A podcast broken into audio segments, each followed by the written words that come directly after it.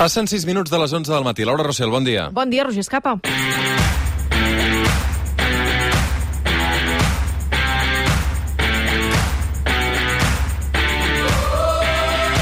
Com anem, Laura? Com va la vida? Doncs uh, molt bé, molt copsada per als testimonis que, Sí. que ens has eh, regalat fa una estona aquí al, al suplement, aquelles tres dones amb aquelles històries tan fortes i alhora tan valentes. Gran feina de producció també de l'equip del programa, de la Sara Llobet, de la Sònia de l'Ofeu. Avui arribem a la lletra B de la Bassada Lila i aquí, precisament, també hi trobarem Teca eh, fent la prèvia d'aquesta data assenyalada que serà demà amb aquest Dia Mundial per l'Eliminació de la Violència contra les Dones. Eh? Doncs sí, és un dels conceptes més importants del feminisme. De fet, l'Alba Fagema t'ho explicava molt bé. La lluita contra la violència segurament sigui el repte més important que tenim com a societat. Titulars d'aquests dies als mitjans, doncs la xifra de dones ateses, per exemple, clínic per agressions sexuals que creix. Cal parlar de violència masclista, cal denunciar-la i, sobretot, cal afrontar-la. Avui amb la B baixa de violència masclista.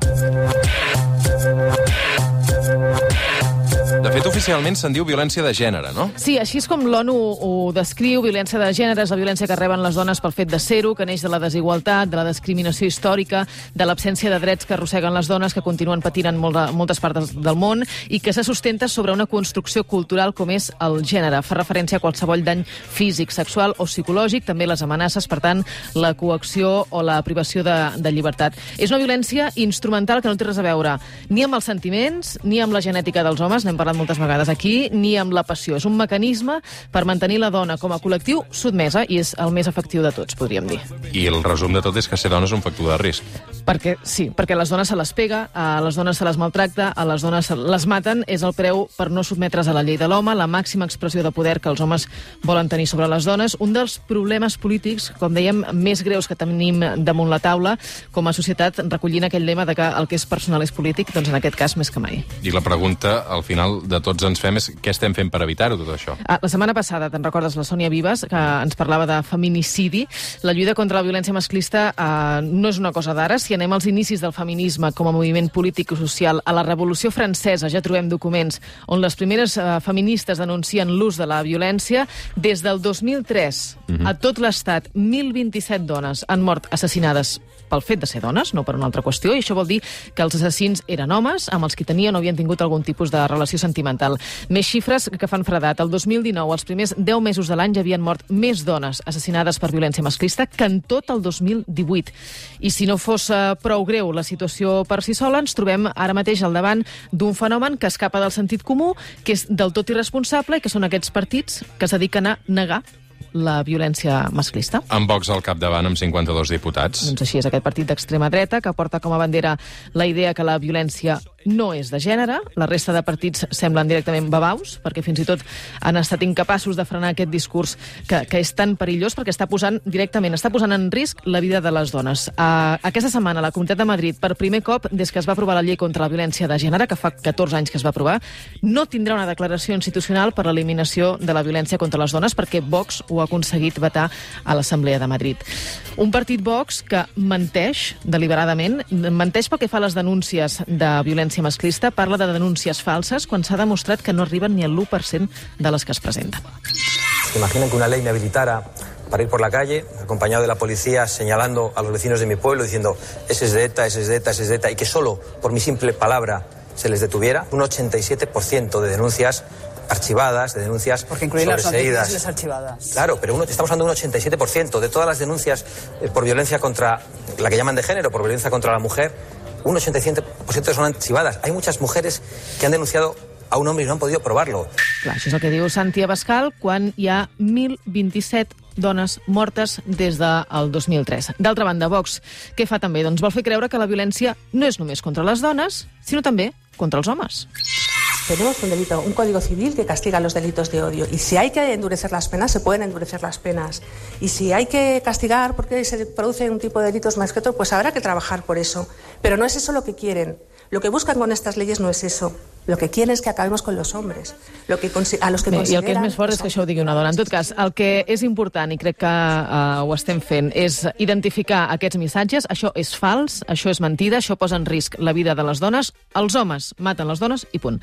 Parlar de violència domèstica és també un error perquè és una violència que no passa en l'àmbit domèstic, no és violència perquè passi a casa, és violència masclista perquè passa contra les dones, a casa, a la feina, al carrer, a les institucions. Les dones són violades, maltractades, agredides, assassinades o ferides psicològicament pels homes. Per tant, s'ha de parlar en propietat. I'm a match. She kerosene.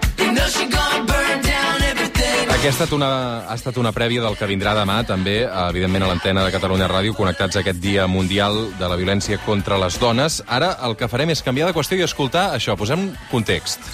Así que tiene a Morata a su costado derecho, a Griezmann por la izquierda y Thomas por el interior.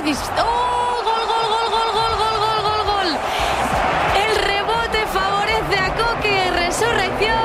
Tarragona, 1985, llicenciada a la Universitat Rovira i Virgili, fa 14 anys que treballa com a periodista esportiva, actualment a Movistar Plus. Danai Brunat, bon dia i bona hora. Bon dia, però no em posis aquest gol, va ser el pitjor. És el primer gol que canto resulta que és un rebot i, Sí, i m'agafa que dic, ara què? Això és culpa de l'atzar. És culpa... Però encara t'emociones o El no? segon em va quedar que- molt mono. Ah, sí. Ara buscarem el segon. Ara, ara, ara, o, sigui, o sigui, el primer gol que et va tocar narrar va ser de rebot lleig i... Sí, sí, sí, sí, sí. De rebot, allò que dius, ah, ah, ah, ara què? Doncs ja està, ja ha entrat, gol, això, canta. passa, això també passa una mica amb el bar, no? Que són eh, Ah, sí, gols... sí. eh, En aquest mateix partit hi va haver, hi va haver un, una situació de bar i és un moment realment estrany, estrany. Dius, espera, espera, que ho està revisant l'àrbitre. Molt bé, ara què explico? Eh, doncs a veure què veu l'àrbitre, estàs allí guanyant temps, no saps ben bé què fer. Però Avui, sí, sí. avui el suplement amb la Laura Rossell hem convidat la Danai Boronat perquè, eh, de fet, ella és la primera dona aquest any 2009 que ha narrat un partit de futbol eh, i ha posat en evidència fins a quin punt, fins a on hem hagut d'esperar per sentir una dona narrant un partit, no, Laura? Han passat sis mesos des de- des d'aquella estrena. Què ha canviat en aquest uh, mig any? Per mi? No, no gaire cosa, no gaire cosa. Eh, no ho sé, jo diria jo diria que ha canviat el fet de que hi ha, hi ha la percepció que una dona pot narrar futbol. Que, que no és poc, eh? Crec que no és poc, perquè després de mi, al cap de poc, també una companya meva, la Sara Jiménez, també va tenir l'oportunitat durant el Mundial Femení de Futbol, eh, la Sara també ho va fer superbé, i llavors ja, bé, no sé, hem trencat una barrera, no? un, un sostre que jo deia no és de vidre, és de, és de formigó, i llavors eh, ja hem fet un primer pas. Però és un primer pas molt petit, eh? realment.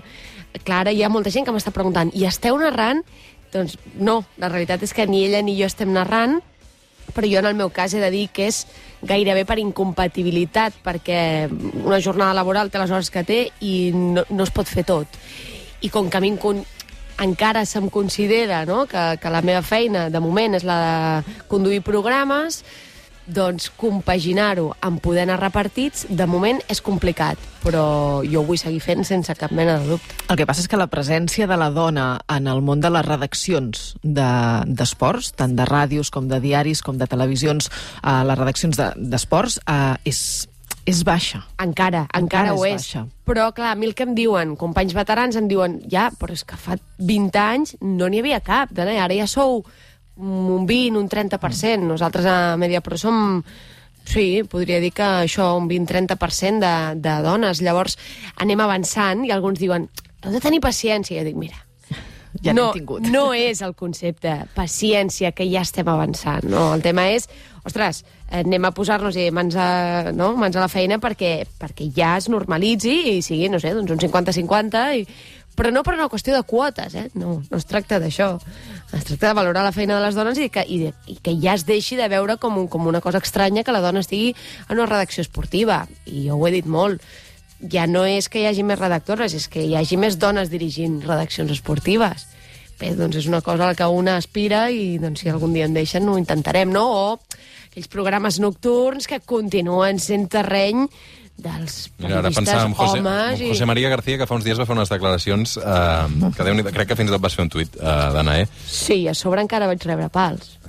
No, no, de veritat, molts pals. Però eh? això, però això no és nou, no? No et sorprèn, no? Rebre No, no. pals per quan una dona Però uh, opina vaig- segons a- sobre què? Però a mi em va semblar que realment estaven molt fora de lloc les declaracions de José María García dient que el futbol femení era una mentida. Després ho va rectificar, va intentar, Ho va intentar, arreglar-ho sí. dient que no se l'havia entès, allò de sempre, Sí, no? sí, perquè ell es referia una mica com a negoci, no? Val, com a negoci, eh, tu pots dir que encara no està a un nivell, eh, doncs, ni molt menys que comparable amb el futbol masculí, però és que el seu error va ser començar a comparar el futbol masculí amb el femení, intentar menysprear el que fan les jugadores, assegurant que tenien menys força que els homes. O sigui, em va semblar que no podia ser més ridícul i llavors eh, se'm va llançar a sobre eh, bé, doncs clar doncs, la, doncs, doncs, doncs allò que encara molts molta gent pensa, no, però és que ja no hi ha masclisme. Doncs que mirin al meu compte de Twitter les respostes aquell dia i, i, i constantment. Llavors veureu que continua havent-hi molta gent i molta gent jove, homes i dones, que tenen, el, que tenen a dins el masclisme. I no ho saben, fins En i tot. aquests casos, quan tu fas un, un tuit o una declaració en aquest sentit eh, i, i reps un, una llau d'atacs, reps també la solidaritat de, dels teus companys eh, homes? Hi ha vegades que sí, ha vegades que no. En aquest cas no gaire, eh? Perquè, no sé, atacar José María García és com...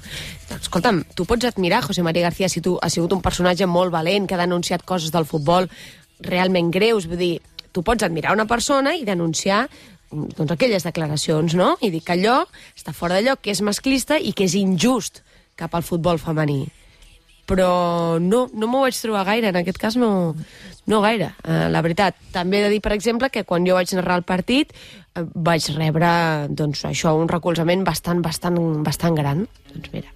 Hem trobat el gol. A veure. Alex Vidal que se la devuelve. Juanfran que quiere cortar el centro. Ojo, está solo Sarabia y el gol. Gol, gol, gol, gol, gol, gol, gol, gol, gol, gol, gol, gol, gol, gol, gol. Gol del Sevilla partido. Danae, amb quines situacions de... Gràcies. Bé, aquest Ara millor, sí. eh? Sí. Aquest sí, aquest sí. Amb quines situacions de masclistes es troba la dona que treballa en una redacció d'esports? Tant a la redacció com si ha de sortir al, al terreny de joc, com Uf. en diferents espais. Aquí és on jo més he patit. Jo a la redacció tinc la sort de tenir grans companys i no, de veritat que no... A veure, micromasclismes sempre n'hi ha, eh? I sobretot d'homes que no se n'adonen, que fan comentaris que, que són irrespectuosos i que són masclistes. Però eh, quan jo viatjava amb el Barça treballant a, a 4, als estadis, eh, és per fer un, una tesi, no, és per, és per fer un recull i després reflectir-ho, no?, de comentaris que jo he sentit que d'imatges que he gravat fins i tot amb el càmera, dir, grava'm aquest, aquest orangutan, si plau. No, un orangutan és més intel·ligent i més respectuós que això. Vull dir, coses que us faríeu creus que al segle XXI eh, es puguin sentir, es puguin, es puguin fer. Eh, però mm, el pitjor de tot és que l'entorn ho justifica o ho accepta, que ningú eh, reprova aquelles actituds i aquelles eh, situacions. Ningú dona I jo l'esquena. fins i tot, exacte, jo fins i tot eh, doncs, ho he vist amb altres companyes i, i jo he sortit a defensar aquestes companyes a dir però voleu parar i voleu callar que aquesta persona ho està passant malament, perquè jo, a mi tant se me'n fotia, jo em tirava a l'esquena, fins i tot a mi m'han bueno, agredit, m'han tirat boles de, de, de paper, que dius, bueno, el paper no fa mal. Sí, sí, al mig d'un camp de futbol te la tiren a certa distància, coses que un home no, no les ha patit, no? I comentaris que dius, si no ets una mica fort i una mica eh, atacar, et poden acabar afectant. This um, was an incredible year for women's football. Um, for those of you who are just noticing that now, it's okay. You're a little late to the party, but we'll forgive you. We're just getting started. Um, Aquesta és la- Megan Rapinoe, una crac.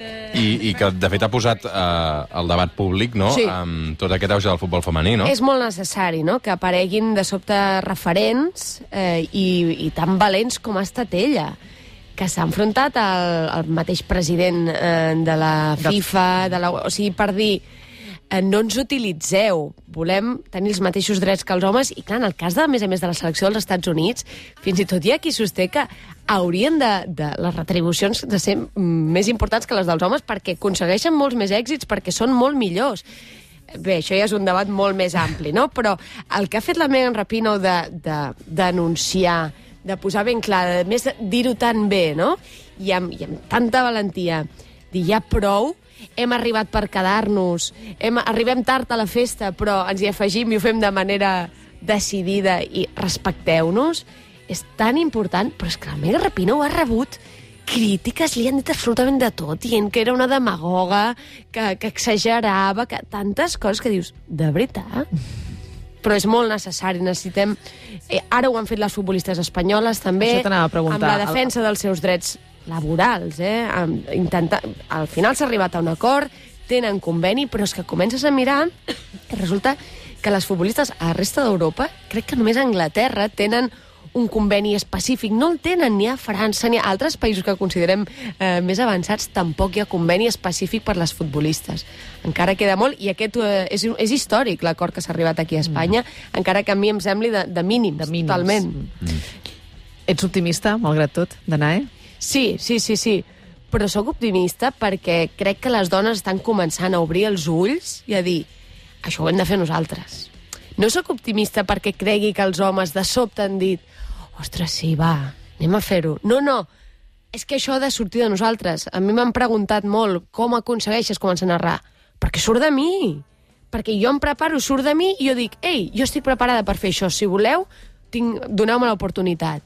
Si les dones continuen pensant que hem d'esperar, que hem de ser pacients, tenir paciència, perquè ens donin l'oportunitat de ser igual que els homes, podem seguir esperant, eh? Mm. Això ha de sortir de les dones. Guarda, guarda aquest tall Sí, sí, i posa la cada separador de publicitat, sisplau. Danai Verona, moltes gràcies. A vosaltres. Gràcies.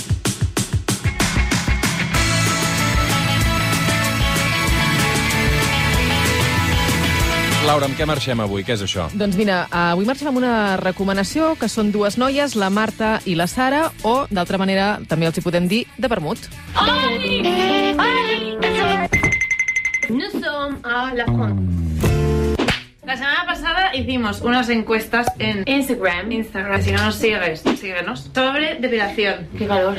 Entonces, luego fuimos a la calle a preguntar a la gente de verdad si se depilaban, O cómo no. se depilaban, qué Les pensaban de la coneixes, les de depilación. No, no les coneixia, estic ara estupefacte. doncs et recomano que les segueixis, són divertidíssimes uh -huh. i a part estan fent una tasca molt important a, a xarxes socials, a YouTube i a Instagram, bàsicament per reivindicar els drets del col·lectiu LGTBI. Són la Marta i la Sara, són parella i expliquen doncs, de tot, des de com es van conèixer, com va començar la seva relació, amb quines situacions eh, estranyes s'han trobat en el seu dia a dia. També es dediquen molt a denunciar situacions masclistes i homòfobes que han viscut elles o les nois que les, i, les noi o altres noies i que les fan servir a elles per denunciar-ho. De fet, han fet eh, una campanya que es deia Machismo Callejero, un, un perfil que van impulsar i que ha tingut molt d'èxit a les xarxes i que servia perquè si tu anaves pel carrer i se t'acostava un home i et feia qualsevol comentari o de, bueno, allò, d'aquelles típiques situacions masclistes, doncs elles et recomanaven grava'l, treu el mòbil, grava'l i ja veuràs com s'acaba. I si no s'acaba, doncs grava'l i, i puja-ho a internet. Les seguirem a Instagram.